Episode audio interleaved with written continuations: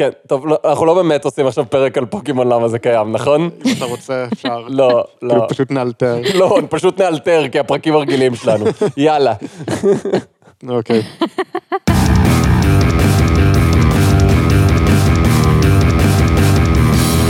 שלום לכולם, אני גל, איתי נמצאים חגי היי. וליבי. היי. למזק, למה זה קיים? המקום בו אנחנו שואלים את השאלה שהיא השם שלנו, והפעם, העולם הזה.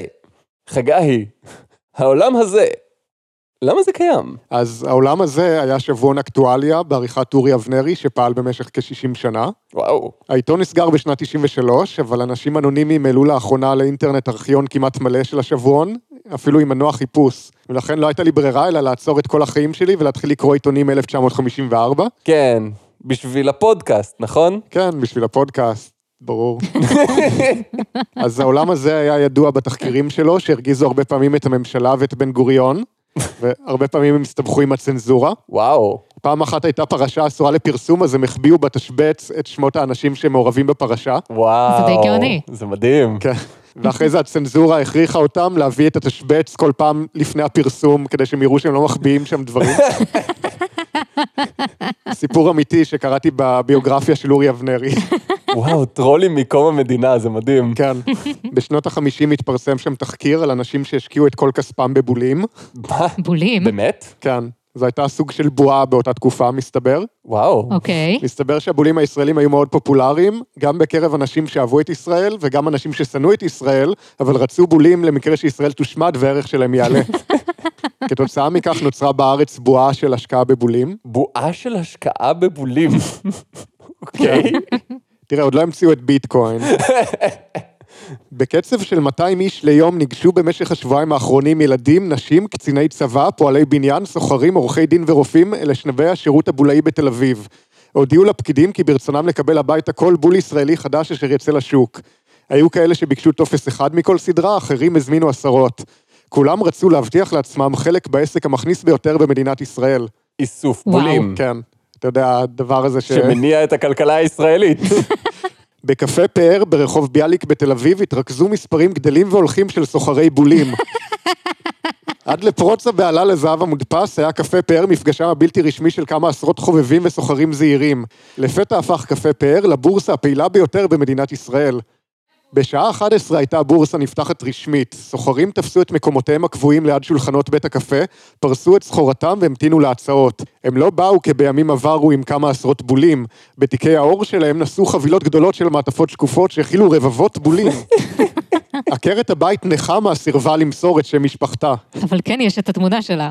כן, אבל אין את השם משפחה, אז אי אפשר לזהות. אה, אוקיי. אני אוספת כבר זמן רב. עד עכשיו הייתי קונה בולים בדואר ביום ההופעה, אך בפעם האחרונה הייתי צריכה לעמוד יותר מחצי יום בתור, ולא הספקתי להכין את ארוחת הצהריים. מסמך אנושי מרגש. אכן תמונות קשות. נחמה לא הספיקה להכין את ארוחת הצהריים. המורה בעתיד ותלמידת סמינר לוינסקי בהווה, זהבה בירנבוים, אז היא כן אמרה את השם משפחה, אבל יש לה משקפי שמש בתמונה משום מה. הייתי רוצה לקנות כמות גדולה מהבולים החדשים, כי ערכם יעלה, ובכסף שארוויח אוכל לקנות חפצים. וואו, לקנות חפצים, כמה ספציפי. אני מעוניינת לעסוק בקפיטליזם, בבקשה. לא אכפת לי מה אני קונה, זה פשוט זה חפצים, רכוש. תראו, בשנות החמישים זה לא היה כזה מובן מאליו, לקנות חפצים, להשתתף בכלכלה.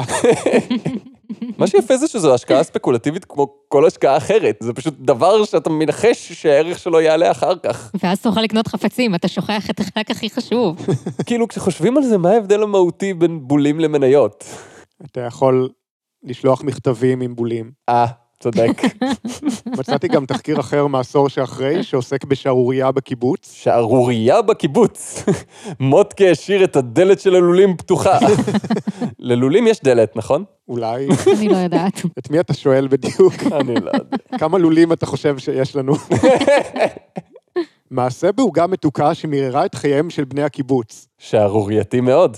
תחילת הסיפור בטיול שאורגן על ידי חברי קיבוץ להב, קיבוץ השומר הצעיר בדרום מול הר חברון, מתוך כוונה לנצל את ימי השמש הבלתי צפויים לסיור באתרים בסביבה. כבר התחלנו בניצול. אל בני הקיבוץ הוזמנו להצטרף גם מספר מתנדבים מחו"ל השוהים שם כבר כמה חודשים. כשהודיעו למתנדבים שמוזמנים לטיול, חשבו שהכוונה לטיול, בסוגריים, trip, של LSD. אה... אוקיי. שניים מהמתנדבים אפו עוגה יפה וריחנית, וכדי להרבות שמחה, תחבו לתוכה כמות רצינית למדי של סם ההזיות המשכיח את המציאות. אוקיי. רגע, הכתבה הקודמת הייתה משנות ה-50, כן. ואמרת שזה מעשור אחרי, שזה מסתדר. כן, זה הגיוני. לא עברו דקות ספורות והעליזות פגה. כל המשתתפים החלו לחוש ברע. הייתה להם תחושה מוזרה ביותר. לרגע חשו צמרמורת ולרגע חום לוהט, ידיהם רעדו, במוחם החלו לעוט ההזיות. בין הזוללים היה גם בנו של מזכיר המשק שהתפלח בפרוטקציה לטיול של הגדולים. הפרוטקציה הזו עלתה לו ביוקר רב. דורון בן השמונה נתקף בהזיות והחל להדאיג את אביו. וואט. עשרים מאוכלי העוגה אושפזו כמעט כולם בבית החולים שבנגב. וואו. סיפר אלי יפה, 23, יליד לוס אנג'לס, בעל תואר ב' א' בפסיכולוגיה, BA כאילו? כן, השוהה בלהב מזה מספר חודשים. הרעיון היה יכול להיות מוצלח ביותר אילולא שמו אופי העוגה יותר מדי סם בתוכה. לא העלינו בדעתנו כלל שהסם ישפיע בצורה כזו על חברי הקיבוץ, שיהיה צורך לאשפזם והעניין יהפוך לשערורייה ארצית. לפי ניסיוני, אדם שתואם חשיש בפעם הראשונה אינו מושפע כלל. בוא נשווה, כן? חשיש ו-LSD. ובכן, טבלתי את הרגל בבריכה של הילדים, ולכן אני מרגיש מאוד בטוח לגבי צלילת ראש לאוקיינוס. מה זה תואם חשיש? כשראיתי שמספר חברי קיבוץ קיבלו היסטריה, ידעתי שהבדיחה הפכה טרגדיה. אבל היה מאוחר, מהעוגה לא נשאר דבר. לא נורא, רוני רון, זה סופו של כל טריפון. זה פשוט מזעזע בעיניי. איך אפשר לעשות דבר כזה לעוגת שוקולד? אגב, זה רק אני או שהוא ממש הרבה יותר מדי רגוע לגבי זה שהם גרמו לי ילד בן שמונה לקחת LSD. אז זה היה מקובל. ועוד מתאר את זה בתור רעיון מוצלח ביותר. וכמובן אף שבועון לא שלם בלי מדור רכילות. כמובן. כמובן. ולעולם הזה היו שני מדורי רכילות, אחד רגיל, ואחד שעסק ברכילות פיקנטית על חברי כנסת. וואו. רכילות פיקנטית על חברי כנסת. והשבוע יושב ראש האופוזיציה הפתיע ושבר מהחליפות האפורות והמשעממות עם חליפת כחול כהה. וואו. יש לי צמרמורת. סקנדל. אחד הסיפורים המעניינים שמצאתי שם היה משנת 1978. ידיעות אחרונות פרסמו שמועה על חבר כנסת שהוא הומוסקסואל. לא יאומן כי יסופר. רק אחד? סטטיסטית אמורים להיות לפחות 12. הידיעה על חבר הכנסת ההומוסקסואל האלמוני שפורסמה בצהרון ידיעות אחרונות הכתה ביום רביעי האחרון בהלם את חברי הכנסת. אי אפשר היה שלא לשים לב כי רבים מחברי הכנסת נכנסים למזנון כשגבם זקוף בהליכה גברית כדי שלא יחשדו בנו שזה אנחנו. אני די בטוחה שהיא יציבה טובה זה לכל הנטיות המיניות. כן, תמיד אפשר לזהות את הנטייה המינית של בן אדם לפי הכיסא האורתופדי שלו. חבר הכנסת מרדכי וירשובסקי מדש לשעבר סיפר בבדיחה כי ליד חדרו של רופא הכנסת ניצב תור ארוך של חברי כנסת. הם לא מבקשים אישור שהם לא הומוסקסואלים, היום זה לא מספיק. הם רוצים פתק שהם בכלל אימפוטנטים, זה הכי בטוח. וזה היה היום בו גיליתי שהספקטרום המצ'ואיסטי הוא מעגל, ובסוף אתה פשוט מתעקש שאתה אימפוטנט. גם שר הביטחון עזר ויצמן נסחף בגל הבדיחות. הוא ישב ליד חבר הכנסת האגודאי שלמה לורנץ, וכאשר עבר לידם עיתונאי, תפס בידו של לורנץ ואמר לעיתונאי, בוא תסתכל, זה אנחנו, אנחנו מחזיקים ידיים. ממלכתיות לשמה. נסחף אף יותר שר הביטחון ויצמן, כשלקח את חבר הכנסת לורנץ, נסע איתו לכרמיאל, מצאו בית, קנו אותו, התחתנו, אימצו שלושה ילדים, עשו יום הולדת שנה לקטן שלהם, הזמינו את כל החברים של ההורים, כי כולם יודעים שיום הולדת שנה זה יותר בשביל ההורים מאשר בשביל הילד, הביאו את כל המשפחה וחברי הכנסת והעיתונאים, תפסו את העיתונאי הספציפי הזה ואמרו לו, אה, אה, רואה, זה אנחנו, אה? תראה, תראה, אני גיי. מי שנחשבת כיום הצעירה הנאה ביותר בכנסת, מזכירת סיעת הליכוד ירדנה מלר, הייתה מבוקשת ביותר במזנון הכנסת ביום פרסום הידיעה על חבר הכנסת ההומוסקסואל. חברי כנסת רבים, הן מהליכוד והן ממפלגות האופוזיציה, הזמינו אותה לשתות קפה בחברתם, לשבת על ידם, וחבר כנסת אחד אף ביקש ממנה לשבת בפרהסיה על ברכיו. אם את יושבת איתי, הכל יהיו בטוחים שזה לא אני, הסביר לה כל אחד מהם. האמת שאני מבין למה זה משכנע. אין שום דבר שאומר גבר סטרייט כמו זלזול מוחלט באוטונומיה של הגוף של המיטה שלך לעבודה. היי, זה לא הטרדה מינית אם אתה צריך להוכיח שאתה סטרייט.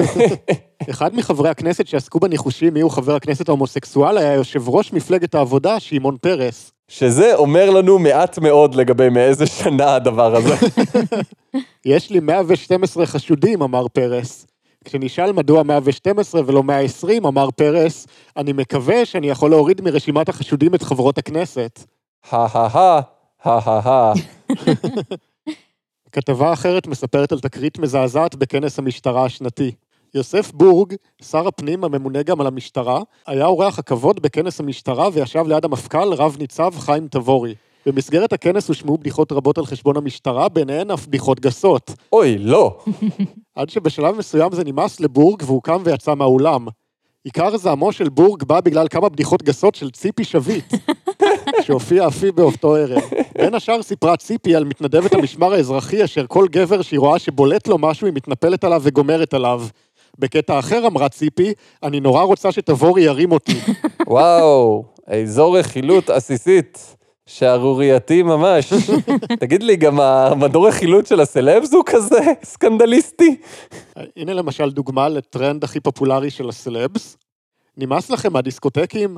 אתם עייפים מהמסיבות המשעממות של החבר'ה? אינכם יודעים איך לבלות ולעשות שמח? אין בעיות, יש פתרון. כל מה שצריך היום כדי לערוך מסיבה מוצלחת היא כמות קטנה של עוגות קרם וקצפת. אוקיי, אני מקשיב. אני בפנים, מה שזה לא יהיה, אני בפנים. לא מאמינים? תשאלו את דניאלה הוד, מלכת היופי לשעבר, את השחקנית טיקי דיין ואת הבחורים של להקת פיקוד דיזנגוף, סאסי קשת, דני קוליש ויוסי סוויה. אני בפנים. הם, עם עוד הרבה אחרים, השתתפו במסיבה כזאת, ולא סתם מסיבה, אלא כזו שנמשכה מהבוקר עד הערב. דאם. מה הם עשו שם כל כך הרבה זמן? תתפלאו, אבל שום דבר מלבד לזרוק האחד על השני עוגות קרם, למרוח איש לרעהו על הפנים והישבנים קצפת, ולבוסס שעות בממרחים מתוקים. אני בחוץ. אה, אה, גם- גם אני, אם אפשר. תודה. לא מאוחר מדי, הדלת כבר נעולה. זאת הייתה הילולה שאיש מאלה שנטלו בה חלק לא ישכח לעולם.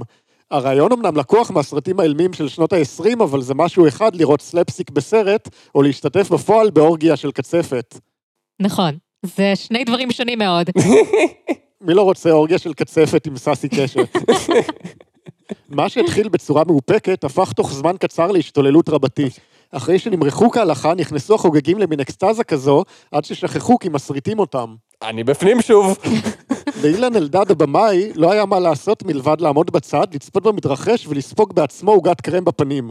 הוא לא היחיד שנפגע, תוך שעה קלה מצאו את עצמם הטכנאים, הצלמים וכל שאר אנשי הצוות שעמדו מהצד, כשהם נכנסים אל תוך השתוללות הקצפת.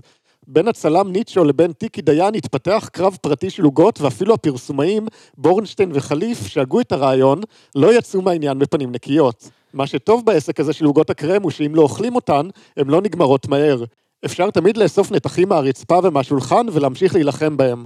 אז אתה אומר לי שאם לא אוכלים את העוגה היא נשארת שלמה? פשוט צריך לזרוק אותה לפרצוף של מישהו. אגב, יש פה הרבה תמונות מהאורגיה הזאת, וזה priceless. וואו, יש פה תמונה של סאסי קשת מכוסה בקצפת. זה לפטרונים בלבד. לגמרי. אבל כדי שלא תחשבו בטעות שמדובר במגזין שוביניסטי, לקראת הסוף יש גם מדור לנשים בלבד. והכותבת של מדור הנשים של העולם הזה היא לא פחות מאשר אודטה. אני מרגיש שהיקום של למזק נסגר על עצמו. היא מדברת על קריסטלים אולי באיזשהו שלב.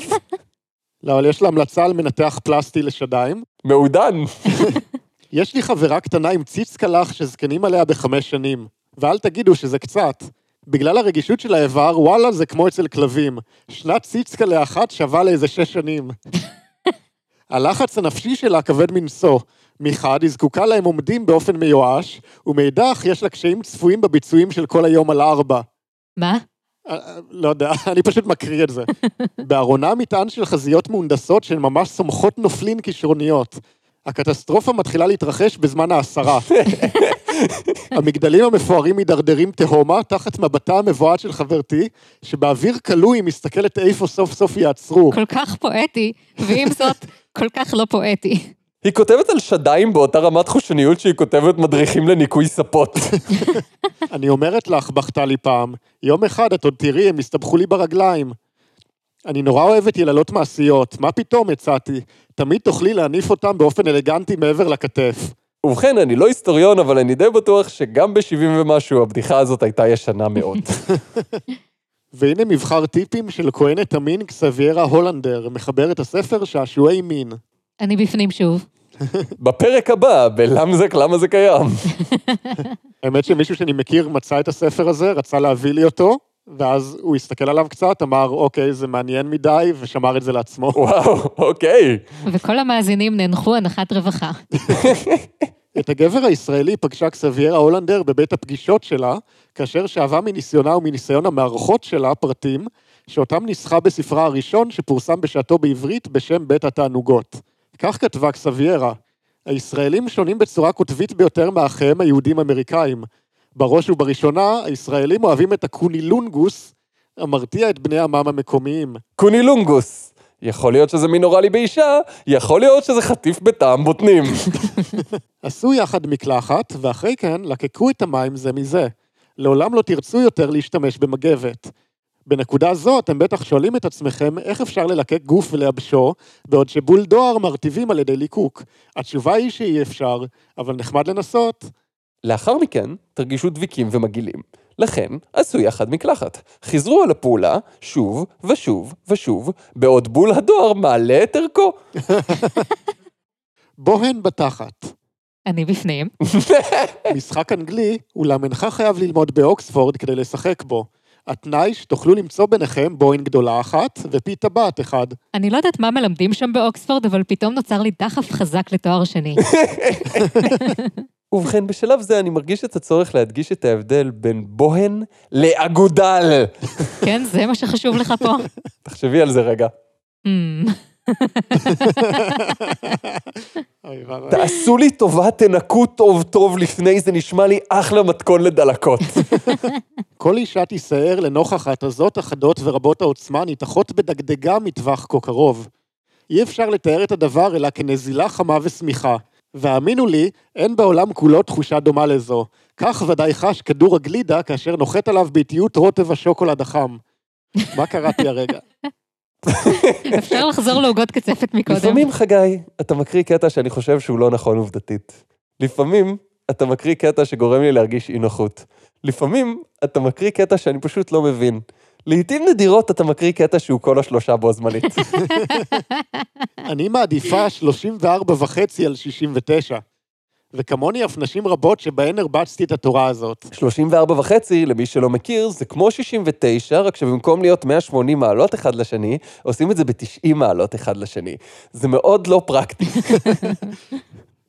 ועצה אחרונה, לעולם אל תעברו מבית חורון תחתון לבית חורון עליון, מבלי לרחוץ היטב את האיבר העובר.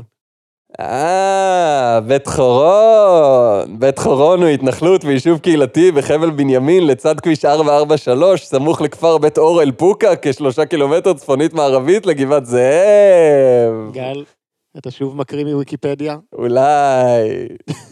רציתי לבדוק מה זה בית חורון, לא הבנתי. גל? זה יופמיזם? כאילו? אה, לשון נקייה או יופמיזם ממינוח חליפי למושג שיזכורו נחשב כמביך פוגע או מטריד באופן אחר. כן, גל, בדיוק. הבנתי.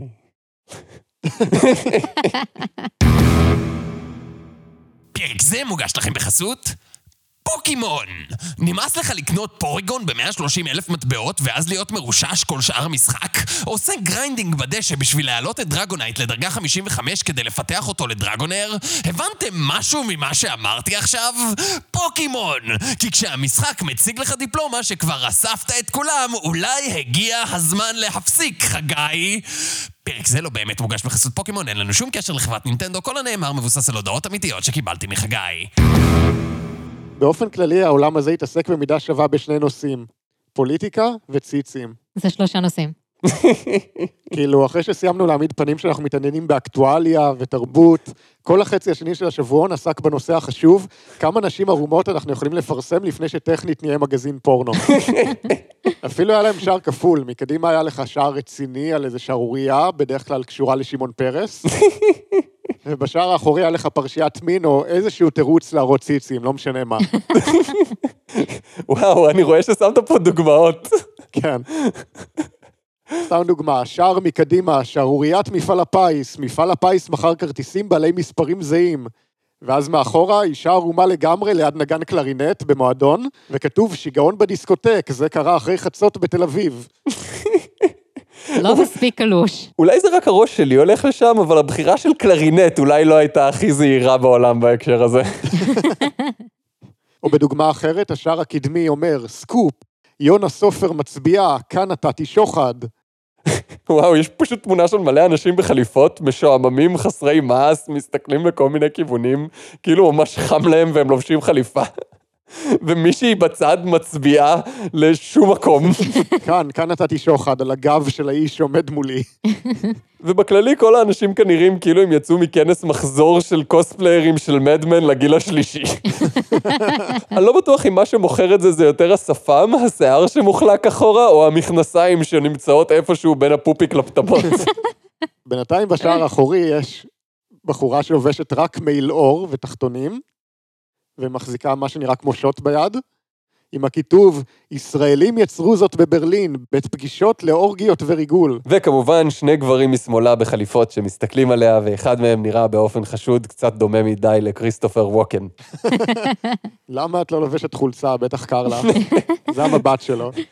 אבל מכל השערים שראיתי, דווקא השער קדמי הוא זה שאני הכי אוהב. באמת. כן.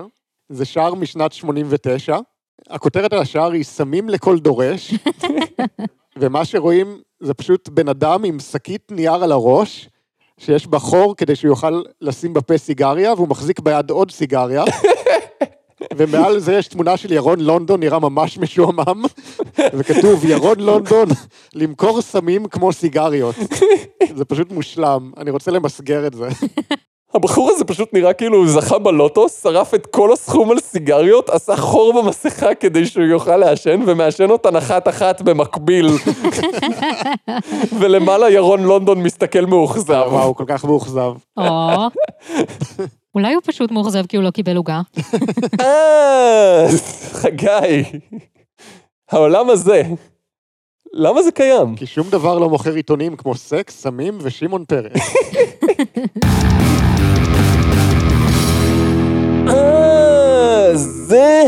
היה פרק 53 של למזק. אנחנו רוצים להגיד תודה רבה לאנשים האנונימיים שהעלו את הארכיון של העולם הזה לאינטרנט. כן, האמת שזה מעניין, כי כבר לפני כמה שנים התעניינתי בעולם הזה, היו לי כמה גיליונות אקראיים. כל גיליון הוא גיליון אקראי. אה, וכשחיפשתי על זה מידע, זה הוביל אותי לארכיון שכבר לא היה קיים, הוא עלה ונעלם. ואז לפני כמה חודשים, פתאום האנשים שהיו מאחורי זה אמרו, חכו, יש לנו הפתעה, אנחנו הולכים להעלות את זה מחדש. מהמם. ואז מיד uh, עקבתי אחרי זה, ולא רק שהם העלו כמעט את כל הגיליונות של העולם הזה, הם גם נותנים את כל הארכיון להורדה בקובץ אחד, וואו. שזה מדהים. כאילו, אנחנו נוטים לחשוב על מידע בתור דבר שקיים וזמין, אבל אם לא שומרים על הדברים האלה, הם פשוט נשחקים ונעלמים גם דיגיטלית. אז המון תודה לגיבורים שמתעדים את הדברים ושומרים אותם ודואגים שהם יישארו נגישים. כן, ותורידו את כל הארכיון מהאינטרנט, זה בערך 30 ג'יגה, אבל זה שווה את זה. שעות של הנאה. חוץ מזה, אנחנו אחרי צ'אט המאזינים השני של למזק, בו בין השאר דיברנו על האפשרות של פרק על בינה מלאכותית, וחגי ישר שלף טקסט די ארוך של חוקר ננו-רפואה, שדיבר על איך לא תרופה לכל המחלות עם ננו-רובוטים, וכמובן שגם טלפתיה. אם גם אתם רוצים להיות בצ'אט הבא ולראות בזמן אמת איך ליבי כותבת שתקשורת אלחוטי ממוח אחד למשנהו זה בעצם נקרא לדבר. יופי שאת צוחקת, זו בדיחה שלך. כן, והיא טובה. אתם מוזמנים כמו תמיד להיכנס לפטריון שלנו, לתמוך בפודקאסט ועל הדרך לקבל בונוסים מגניבים. אה, זה היה פרק 53 של למזק, בו למדנו שגם בשנות ה-50 כל הכתבות היו או על שחיתות שלטונית, או 17 דברים שלא ידעתם על ציצי, מספר 6 יפתיע אתכם. אז אה, ביי! ביי. ביי.